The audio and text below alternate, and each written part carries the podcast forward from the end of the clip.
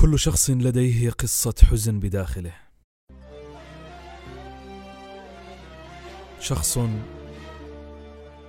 عانى من أشخاص أحبهم أو ما زال يعاني وشخص تعب من التضحية دون نتائج وشخص يبكي كل يوم على أشخاص رحلوا من الدنيا.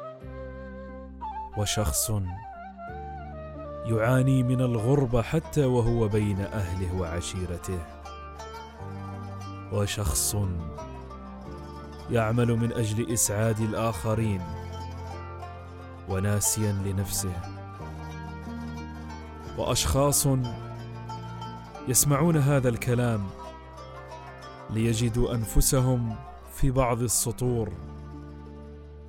هي الدنيا. ولهذا سميت دنيا. فقط خذ نفس عميق وقل الحمد لله. فالقادم أفضل بإذن الله.